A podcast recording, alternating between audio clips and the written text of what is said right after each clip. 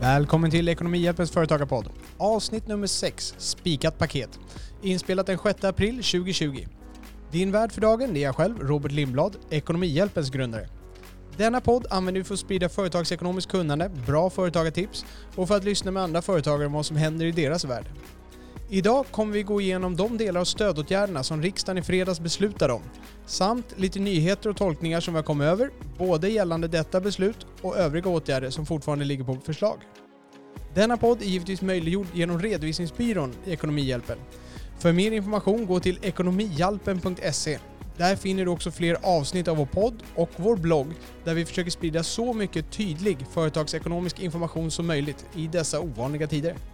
Nu kör vi!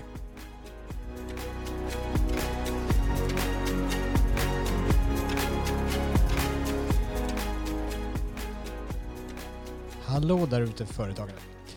Ja, i fredags den 3 april så fattade alltså riksdagen beslut om hästparten av de förslag som regeringen hade lagt, de så kallade stödpaketen. Så de sköt alltså fram det gjorde redan den 3 april istället för den 6 april, måndagen, som är det datum vi sitter och spelar in det här. Det var inte så många nyheter, men det var ett par klargöranden, några förtydliganden. Det var också några uteblivna förändringar som vi hade önskat men som inte kom igenom. Så jag tänkte gå igenom det som har beslutats nu och det som vi redan har pratat om i tidigare podcast, avsnitt nummer 1 och 4 om det första och det andra paketet som vi har kallat dem. Det kommer jag inte att gå igenom i detalj. Jag kommer damma över det och jag kommer fokusera på det vi har lärt oss längs vägen. Både sånt som vi har upptäckt sedan vi spelade in de här podcasten, fått förtydliganden, fått frågeställningar, fått tolkningar men också de saker som faktiskt har beslutats här. Om ni tittar i avsnittsanteckningarna som ni hittar på vår hemsida och om ni tittar i avsnittsanteckningarna som ni hittar på vår hemsida vid det här poddavsnittet och som ni hittar i kapabla poddappar som vi brukar säga. Och kapabla poddappar är poddappar som visar avsnittsanteckningar. Dessvärre gör inte Spotify det och jag vet att Spotify är en av de populäraste att lyssna på. Jag vet inte varför det är och jag vet inte om de kommer reparera på något sätt men de visar inte avsnittsanteckningarna. Men gå gärna till vår hemsida. Där hittar ni det här avsnittet i vår företagsblogg och där finns det avsnittsanteckningar och i de avsnittsanteckningarna står allting med, det som vi tidigare har gått igenom men då har jag strykit över de delarna som har blivit ändrade, eh, som vi har blivit omtolkade. Och sen har jag i röd text lagt till allt som är nytt. Så att ni kan dels ta till er det gamla om ni behöver, men också kan fokusera på att bara hitta det som är nytt, det som är nya tolkningar, nya, till och med nya regler. Och kan läsa bara de bitarna som faktiskt är nya. Och det är de jag kommer gå igenom i den här podden. Och med det så tycker jag att vi dyker rakt ner i det här och försöker plocka på så mycket information som möjligt här och tänka på hur det här påverkar oss. Vi börjar med sjuklön och sjukpenning. Där är det nya att den anställde, han söker den här karensdagen, den första karensdagen där han då kan få ersättning för sitt karensavdrag från Försäkringskassan. Normalt så får en anställde inte någonting den första dagen som hen är sjuk. Men nu kan man alltså gå in hos Försäkringskassan på mina sidor och ansöka om att få den här karensdagen. Och det gäller från den 13 mars, inte den 11 mars som det tidigare angavs. Personen kan alltså söka retroaktivt för karensavdrag som den anställde har fått tidigare ända bak till 13 mars, inte 11 mars. Sen kommer det också vara så att den anställde kommer få 700 kronor i sjukpenning oavsett karensavdragets storlek. Så oavsett hur mycket man har dragit så blir det 700 kronor i sjukpenning och jag misstänker att det här är för att korta ner handläggningstiden på det här så att man inte ska behöva sitta och göra beräkningar. De får 700 spänn, där, bra klart. Så det om karensavdraget. Om vi tittar på det slopade kravet på läkarintyg så vet vi att sen tidigare har de tagit bort att man behövde visa på åttonde dagen. Man behöver inte ge arbetsgivaren ett intyg på åttonde dagen för att fortsätta få sjuklön. Nu tar man också bort dag 15 och tar bort inte rätt ord utan man skjuter fram det. Så dag 22 behöver man visa Försäkringskassan. För dag 15 ska den anställde då gå och visa Försäkringskassan ett läkarintyg normalt och säga att jag är sjuk, nu ska jag ha pengar från er för min arbetsgivare har betalat de första 14 dagarna. Men nu så skjuter man fram det till dag 22. Du kan alltså gå i tre veckor utan något läkarintyg och sen måste du ha ett läkarintyg för att kunna få pengar från Försäkringskassan. Och den här, den sista åtgärden, den gäller från den 27 mars. Det första slopande med åttonde dagen, den gäller från 13 mars. Det här att om man skjuter fram dag 15 till dag 22, läkarintyget där, det gäller från den 27 mars. Det här ska också gälla om man har barn som man måste presentera sjukintyg för vid vab. Så gäller samma regler. Du behöver inte presentera någonting där dag 8. Och det här ska också gälla enskild näringsidkare. Så de behöver heller inte visa ett sjukintyg förrän dag 22. Om jag förstod det rätt. Sen går vi över till sjukpenning just för enskilda näringsidkare. Där var det att de får en schabloniserad, en schabloniserad sjukpenning för upp till 14 karensdagar. Så de första 14 dagarna får de en schabloniserad sjukpenning. Och det var lite oklart vad det här schabloniserad var, men nu har de gått ut med att det är 804 kronor per dag.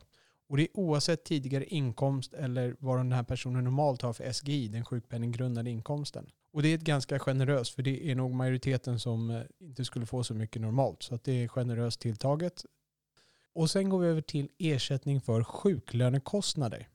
Och då är det att de, staten har gått ut och sagt att de kommer stå för alla sjuklönekostnader under april och maj. Det som var oklart är ju, är det sjuklön som utbetalas under april och maj, det vill säga som kommer på april och majs lön, eller som uppstår under april och maj, det vill säga att om man varit sjuk april och maj. Anledningen till en fråga är att man får ju nästan alltid sjuklönen månaden efter. Är man timanställd då får man ju oftast hela timlönen månaden efter och då, det inkluderar eventuell sjuklön. Är man månadsanställd då brukar det vara att man får sin månadslön den månaden man jobbar men förändringarna, avvikelserna får man från månaden innan. Det vill säga om man varit på semester eller om man vabbat eller om man har varit sjuk. Så det betyder att din sjuklön får du månaden efter att du har varit sjuk. Och då blir frågan här, hur kommer det här att betalas ut? Är det när man är sjuk i april eller är det det som betalas ut i april oavsett månad? För vissa företag betalar ju ut den månad de är sjuka upp till ett visst datum i alla fall. Man vet ju, de får ju pengarna den 25 så vad som händer efter då vet man ju inte. Det som de har angivit dock är att det här ska hanteras inom det befintliga systemet för höga sjuklönekostnader. Det betyder att man kommer att skriva i på de anställda i den här rutan som redan finns att den här anställda hade så här mycket i sjuklönekostnad och då har det varit tidigare så att det fyller man i under hela året och sen när året är slut så summerar Skatteverket det här och sen så betalar de tillbaks en viss procentandel av det här som är ersättning för höga sjuklönekostnader. Så den här rutan finns redan och man ska alltså använda det här befintliga systemet. Och det får mig att gissa att det kommer att gälla sjuklöner som är utbetalade under april och maj. Men nu säger jag gissa. Det här är min egen gissning efter hur systemet är uppbyggt. Det blir nog lite för stor apparat att försöka hålla på och separera. Så det var om ersättning för sjuklönekostnader. Och med det så släpper vi sjuklöner och sjukpenning. Det var det som vi hade som nyheter där. Och jag påminner om att jag har skrivit ner alla de olika förslagen, finns i avsnittsanteckningarna och så har jag då markerat rött det som jag gick igenom nu, det som var förändringar.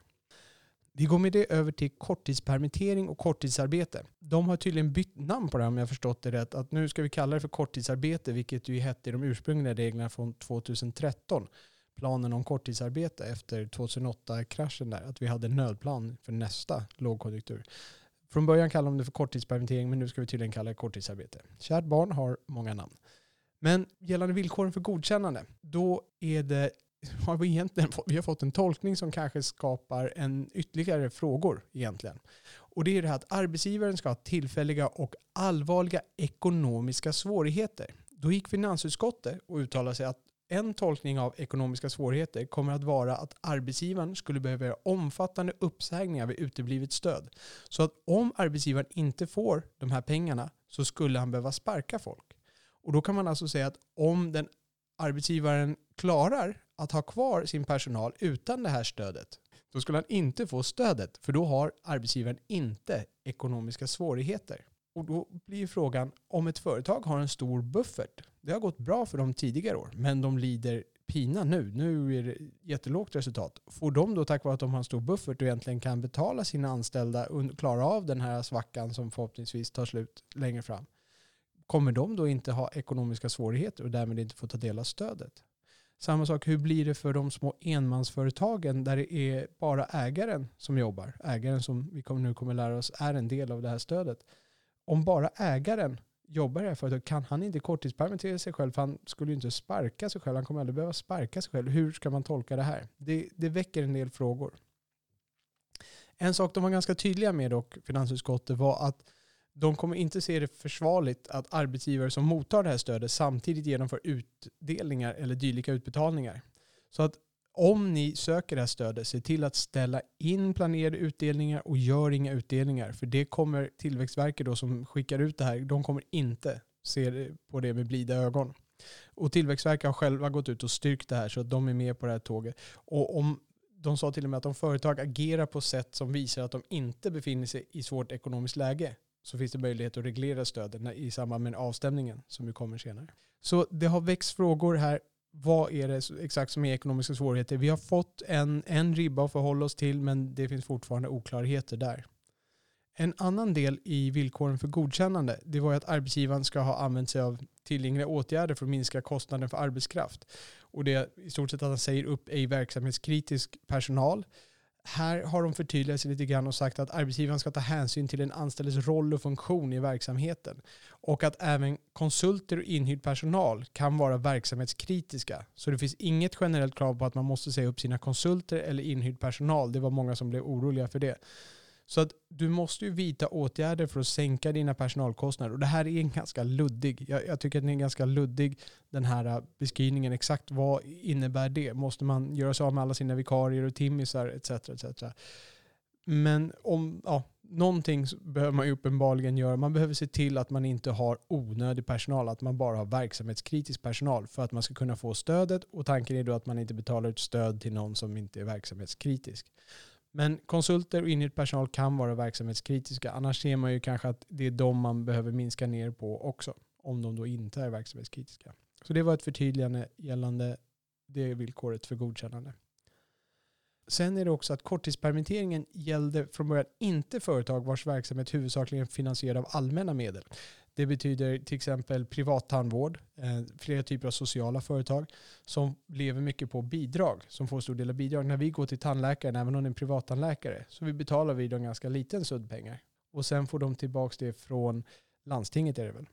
Nu omfattas de också av det här stödet, så de kan också korttidspermittera. Om vi då går vidare till an vilka anställda som omfattas av det här, vilka anställda kan man korttidspermittera? Så finns det en fråga som vi inte riktigt har fått svar på. Och det gäller det här med att de anställda ska vara anställda minst tre månader före den månad då Tillväxtverket godkänner. Så det betyder alltså att om du söker i maj, då ska personen alltså ha jobbat i februari, mars och april för att ha jobbat i tre månader. Så om du skickar in en ansökan och får godkänt i maj, då måste personen ha jobbat sedan februari. Det är alltså inte den månad du får stöd från, utan den månad de har arbetat. Och då är frågan, eftersom du kan söka två månader retroaktivt och den här personen måste ha jobbat tre månader för att omfattas av det här. Om man läser lagtexten så låter det alltså som en person som har börjat i februari kan jobba februari, mars, april. Han kan korttidspermitteras i mars, skicka in ansökan i maj och sedan få stöd för den här personen från mars och april och sen vidare maj. Om man tittar på lagtexten så ser det ut som att så kan det vara. Vi har hört av vissa företagare i vår krets att det finns, de har jurister som säger att eh, det inte går att göra så. Och jag kan förstå att det låter logiskt. Men om man läser lagtexten så ser det också ut som att det går att göra. Den är ganska tydlig. Det är svårt att tolka den på något annat sätt. Och jag har också fått medhåll på, av vissa tolkare som vi talar med, bland annat på BL Information, de som skriver många av de här böckerna som man köper ut i handeln om redovisning och skatter och företagande generellt. Så det är en fråga som inte är besvarad, men det kan alltså vara möjligt att i maj ansöka för någon som har börjat i februari och få stöd för mars och april eftersom man får söka två månader retroaktivt. Sen nästa del på anställda som omfattas, det är ju att ägaren nu omfattas. Vi har talat om det här lite grann tidigare.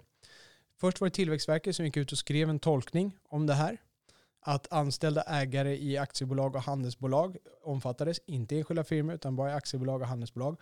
Och anställda ägare, det är vår egen term och det är för att vi ska förstå att det är lite det det handlar om. Det är så vi tänker på det här, vi som jobbar i våra egna företag.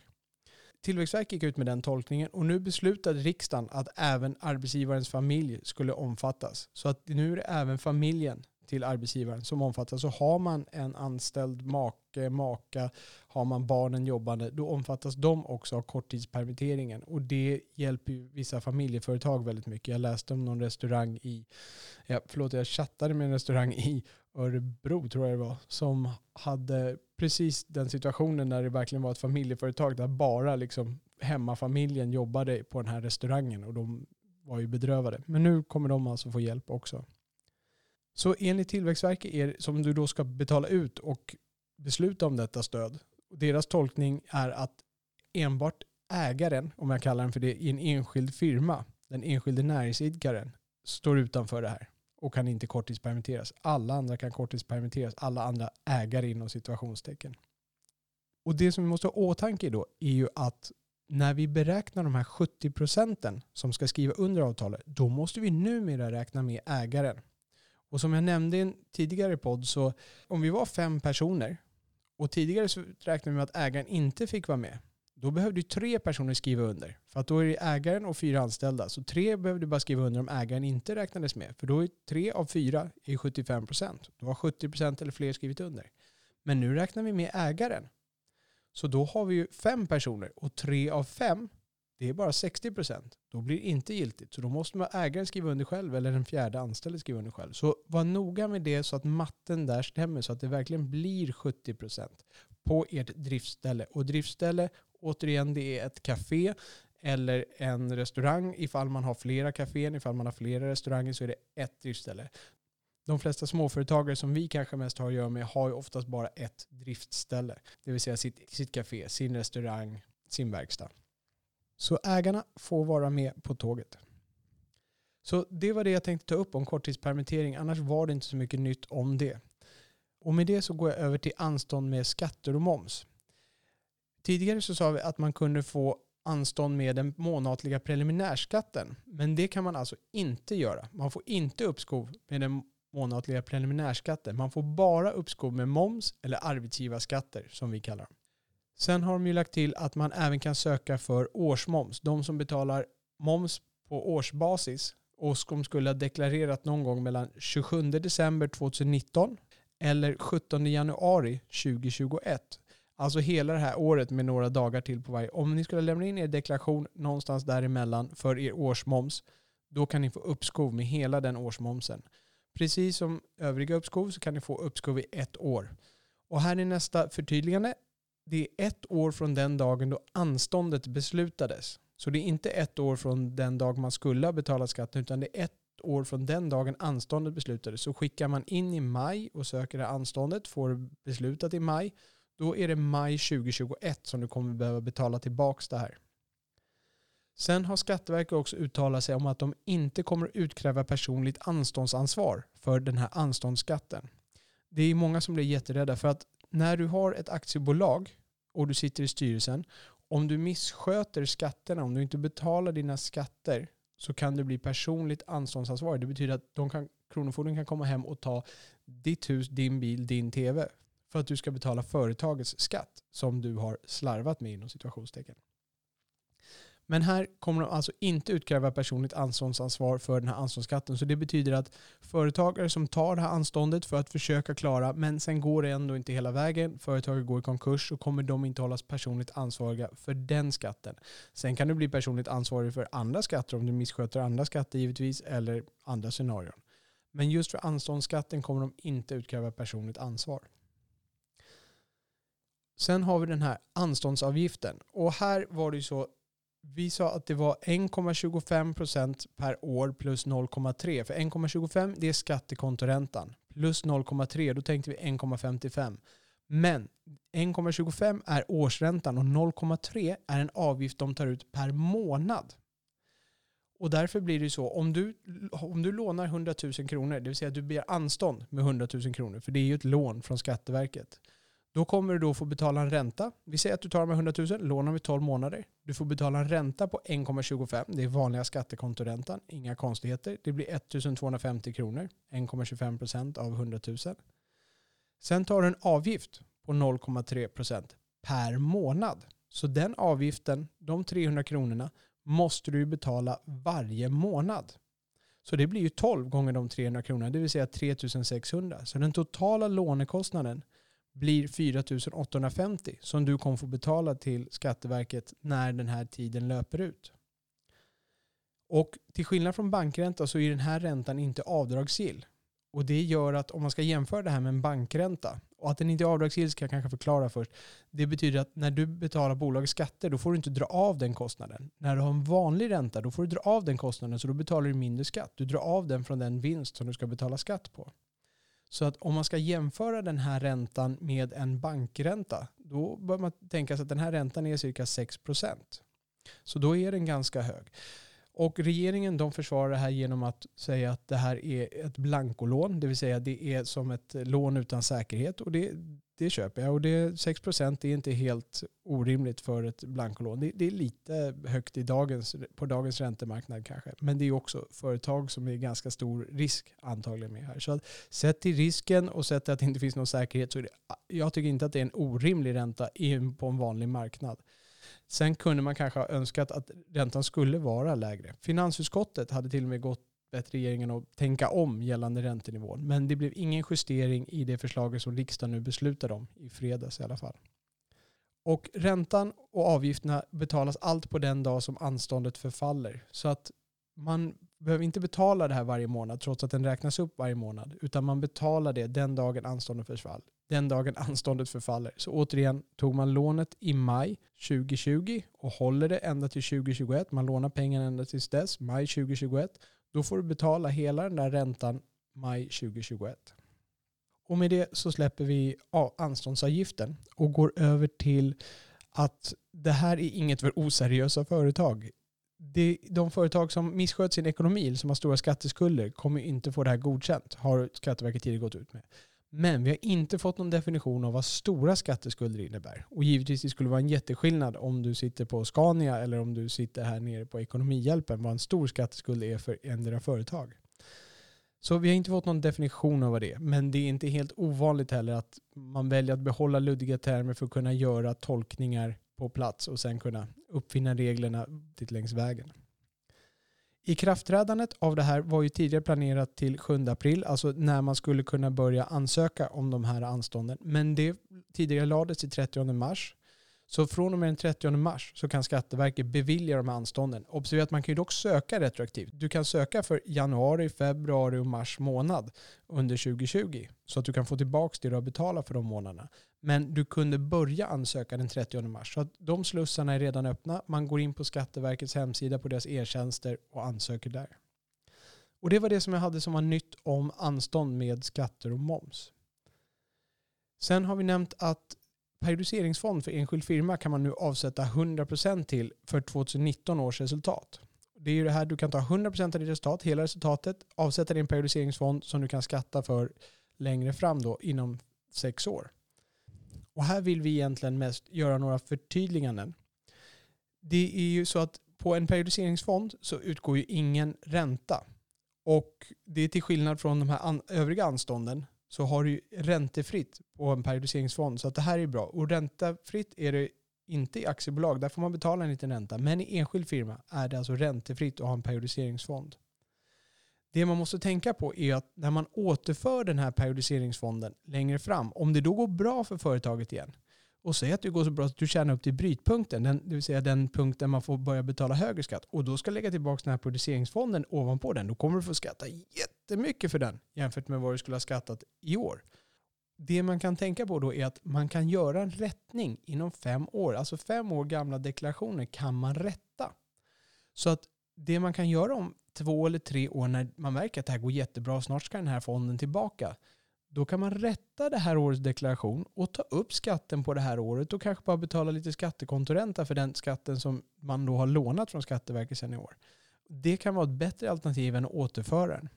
En annan sak att hålla i åtanke är att om det inte går så bra i år, det kanske till och med är så att det blir förlust i år i enskilda firman, eller en jättelåg vinst, då kan man lyfta tillbaka en del av vinsten i år. För att i år, alltså 2020, kommer ju egenavgifterna att vara lägre, som vi kommer att prata om om en liten stund. Nedsättningen av arbetsgivaravgifterna gäller ju även egenavgifter. Så på de första 100 000 kommer du bara betala 10,21 procent istället för vanliga 28 beroende på vad du, hur många karensdagar du har. Så att det finns lite tricks. Här gäller det att vara smart när man sätter av de här pengarna och veta vad man gör. Här behöver ni ta hjälp av er redovisningskonsult och ni behöver också göra lite framtida planerande så att det här inte blir en dålig överraskning längre fram utan att det här blir matematiskt välplanerat, väl genomtänkt för att betala lagom med skatt. Och med det så går vi över till just den här nedsättningen av egenavgifterna. För där har de ändrat hur man beräknar det här för enskilda firma. Tidigare så hade man sagt att man skulle betala 10,21 på allt och två tredjedelar skulle betalas fullt på här. Och vi hade gjort en fin liten formel, eller vi hade inte gjort en särskilt fin formel, det var en simpel formel hade vi i våra anteckningar. Nu har man ändrat det här och istället betalar man 10,21 procents egenavgifter på de första 100 000. Så på de första 100 000 får man den här rabatten. Och 100 000 kommer ju från att aktiebolag som har anställda, de får ju ta en anställd 25 000 kronor i månaden upp till det i fyra månader. Och 25 000 gånger fyra blir 100 000. För att enskild firma då ska få en motsvarande så får de på den första 100 000 som de tjänar under 2021 i vinst får de 10,21% egenavgifter istället för 28,97 som du har om du har standard sju karensdagar. Och allting utöver 100 000, där blir det vanlig skatt. Det vill säga 28,97 om man har sju karensdagar. Och om man tittar på det som är för aktiebolag så är det också så att det har ett par förtydliganden kommit att man kan inte kombinera det här stödet med regionalt stöd. Det är vissa regioner där man får ned, en nedsättning redan på grund av att det är lite svårt med jobb i de regionerna. Så där försöker man underlätta för företagare. Det kan inte kombineras. Däremot så har man fler än 30 anställda då kan man ju använda den här nedsättningen på 30 och regionalt stöd på andra. Eh, det kan kombineras med växa-stöd, men då undantas den personen från de 30. Och stöd för forskning och utveckling, det kan tillämpas för anställda som inte har nedsättning. Så skulle det vara någon som har någon av de här formerna av stöd, det är inte så vanligt i våra kretsar när vi sitter här i Stockholm, men är det någon som lyssnar och har de här typerna av stöd så går det alltså att kombinera i vissa utsträckningar och vissa utsträckningar inte. Sen har de släppt lite regler kring bolags och föreningsstämmor som de har beslutat om här också. Eh, det här tänkte jag inte gå in så djupt på, för det här är mest för företag som kallar en massa ägare till stämma. De har gjort det lättare för att man ska kunna ta in fullmakter för att vissa personer inte ska behöva delta. Jag tänker mig att kanske äldre inte ska behöva komma ut och delta. Personer över 70 som är i riskzonen, andra som är sjuka och också i riskzonen. Men ändå ska kunna göra sin röst hörd. Så att de har gjort det lättare med fullmakter. De har sänkt kraven och lättat på regler däromkring. Så in, skulle ni tillhöra ett företag som kallar en massa ägare till stämma så kan det här vara intressant för er att ta en titt på. Men jag tänkte inte gå in så mycket djupare på det här. Men det var en del av det beslutet. Så det här var alltså de nyheter som jag hade kring det som har beslutats. Sen finns det en del saker som fortfarande är på förslag som då inte har beslutats ännu. Till exempel har man, har, finns det ett förslag om tillfälligt förstärkt a-kassa som man kanske har hört talas om. Då är det så att medlemsvillkoret, normalt i a-kassan så behöver du ju vara medlem i 12 månader innan du kan få a-kassa. Så du kan inte bara gå med och få det imorgon. Det har sänkts till tre månader. Så att du behöver vara medlem i tre månader. Det blev ju en liten rusning när det här kom ut i slutet av mars. Då var det jättemånga som sprang iväg och gick med i a-kassan. För att då har man ju mars månad också med sig på sin... Då har man redan varit en månad. För de tittar på kalendermånader. Då har man varit i mars och sen april och maj. Då kan du få det i juni. Men nu istället om man går med i april, då måste du vara med i april, maj, juni och kan få det i juli. Sen är det också lite olika timmar som man behöver ha jobbat. Du måste ha jobbat minst 60 timmar per månad under de senaste sex månaderna. Eller minst 420 timmar sammanlagt under de här sex månaderna. Då minst 40 timmar per månad. Man har höjt ersättningstaket till 1200 kronor från 910 kronor för första 100 dagarna. Grundbeloppet är höjt från eh, 365 till 510 per dag. Och sen är de här sex karensdagarna, när man, när man då ska kunna få a-kassa så är det först sex karensdagar som man inte får någonting under och sen kan du börja ticka in på det. Men de slopas nu så man kan få a-kassa från dag ett. Och a-kassa är någonting som är viktigt för egenföretagarna, ni som sitter ensamma där ute och har nära nog noll jobb ni som är, har noll eller är nära nog noll. Det här är någonting för er att kika på. Det kanske är dags att gå med i a-kassan om ni inte är med. För då är det ju i alla fall tre månader som ni behöver stå ut och sen kan ni få a-kassa. Och för er som har betalat a-kassan så är det nu dags att utnyttja den. Så med de regler vi hade tidigare, att man kan lägga sitt företag vilande, lite enklare, den här femårsspärren är borttagen, Kontakta er a-kassa, se hur ni löser det här för att få hjälp att få det här stödet. Övriga saker som fortfarande ligger på förslag, fortfarande det, det här med att det ska bli lättare att få lån, att staten ska ta 70% av risken. Eh, det är inte spikat ännu. Stödet för hyressänkningar ligger också kvar som förslag. Sen har vi det här med stöd för hyressänkningar som också ligger kvar på förslag. Här var det det här med att det här kommer att gälla vissa sektorer. Sällanköpshandel, hotell, restaurang och så som de uttrycker det vissa andra verksamheter. Det är ju lite okänt uttryckt. Jag tror att det lämnas öppet för att man ska kunna tolka in vissa verksamheter som man kommer på efterhand eller lämnar lite fritt för tolkning.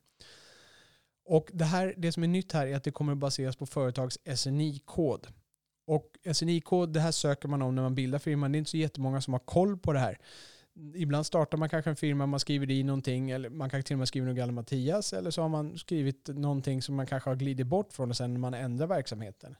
Men de kommer att titta på den här SNI-koden, så var noga med att ni har rätt SNI-kod. Om ni är en restaurang, se till att ni inte, för att ni började som någonting annat och sen gled över och blev en restaurangverksamhet.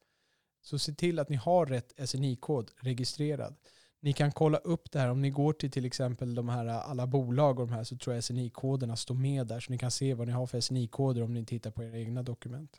Sen har de också gått ut med att avtalet som man skriver om hyresminskning, för det här är alltså det här måste ju avtalas med hyresvärden. Så som tågordningen är för att få det här stödet för hyressänkningar så är det först ett förhandlande mellan hyresgästen och hyresvärden där de går med på att sänka hyran. Sen får hyresvärden söka det här stödet om nu hyresgästen är i någon utsatt bransch. Det här avtalet måste ha slutits innan 30 juni 2020. Så att man kan inte komma och skriva ihop det här i juli och sen söka retroaktivt på det sättet. Däremot kan man skriva ihop ett avtal 30 juni. Och så som jag förstår det här, ta det här med en nypa salt, så som jag förstår det kan man ju då alltså få en retroaktiv hyressänkning. Man kan skriva under att man får hyressänkning för de här april och maj också, inte bara juni. För oftast 30 juni har man ju redan betalat junis hyra. Så att så som jag förstår det, ta det med en nypa salt, jag har inte läst vare sig bu eller bä om det här, så kan man alltså skriva april, maj, juni. Så länge avtalet signerats senast 30, 30 juni kan man alltså retroaktivt få den hyressänkningen. Och det är också så att staten ämnar avsätta 5 miljarder kronor för denna åtgärd. Så det var de sakerna som fortfarande låg på förslag som inte har klubbats ännu.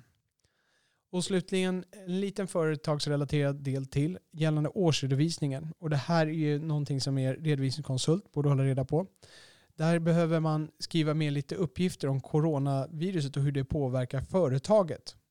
Och det här kommer från föreningen Auktoriserade Revisorer, FAR som de heter. Och de vill också att man kikar på balansräkningen. Kanske är det tillgångar som minskar i värde och eh, kanske det ens egna kunder påverkas så att ens eget företag kommer att påverkas indirekt. Då behöver man även ta med det. Så tanken med det här det är att man i årsredovisningen ska visa att man har tänkt igenom det här. Man ska kunna visa vad man tror kommer, det kommer bli för effekter. Om det kommer att drabba hårt, om det kommer att drabba mellanhårt eller kanske inte alls. Och även om det inte kommer att drabba alls, ta med det då och säg att det inte kommer att drabba alls. Är det någonting man behöver till och med skriva ner för det har inte det värdet så får, behöver man ta upp de här sakerna och meddela det i årsredovisningen. För som styrelseledamot har man en skyldighet att i årsredovisningen redovisas det som man vet har hänt fram till det datum man skriver under. Har ni redan skickat in er årsredovisning i februari och hade ingen aning om att det skulle komma ett coronavirus och stänga alla biografer, ja då gör det inte så mycket. Men om ni sitter och signerar den nu, då borde ni definitivt ha med de här delarna i årsredovisning. Om er redovisningsekonom inte har tryckt in de här, så se till att säga till personen att nu det här behöver vi ta med. Så det var det jag tänkte gå igenom i det här. Kika gärna igenom avsnittsanteckningarna. Som sagt, de nya grejerna ligger rött. Jag stryker över de grejerna som inte är med på kartan längre. Jag har försökt göra det enkelt att filtrera ut nya saker och samtidigt samla allt det som har kommit fram tidigare i pedagogisk uppställning nu under den här. Och jag kommer försöka göra det när vi får uppdateringar vartefter så att det blir lättare att se. Jag ska också inom kort släppa eh, två tipspoddar det ena med ett tips om hur vi kan jobba med resultatet, det kanske viktigaste, och förbättra vårt resultat i de här tiderna. Och det andra också hur vi kan jobba med vår likviditet och ge lite tips. Nu går vi med på lite handgripliga saker. Så de kommer nu inom kort den här veckan. Och med det sagt så kämpar vi på här och jag hoppas att ni kämpar på där ute. Se till att tvätta händerna. Vi hörs snart igen. Du har lyssnat på Ekonomihjälpens företagarpodd. Avsnitt 6, Spikat paket. inspelat den 5 april 2020. Din värd för dagen har varit jag själv, Robert Lindblad. Du hittar sammanfattning och länkar i avsnittsanteckningar på Ekonomihjälpens hemsida och i appar som visar avsnittsanteckningar. Podden är möjliggjord av redovisningsbyrån Ekonomihjälpen som ni finner på ekonomihjälpen.se. Med det så tackar vi för oss. Företaga lugnt!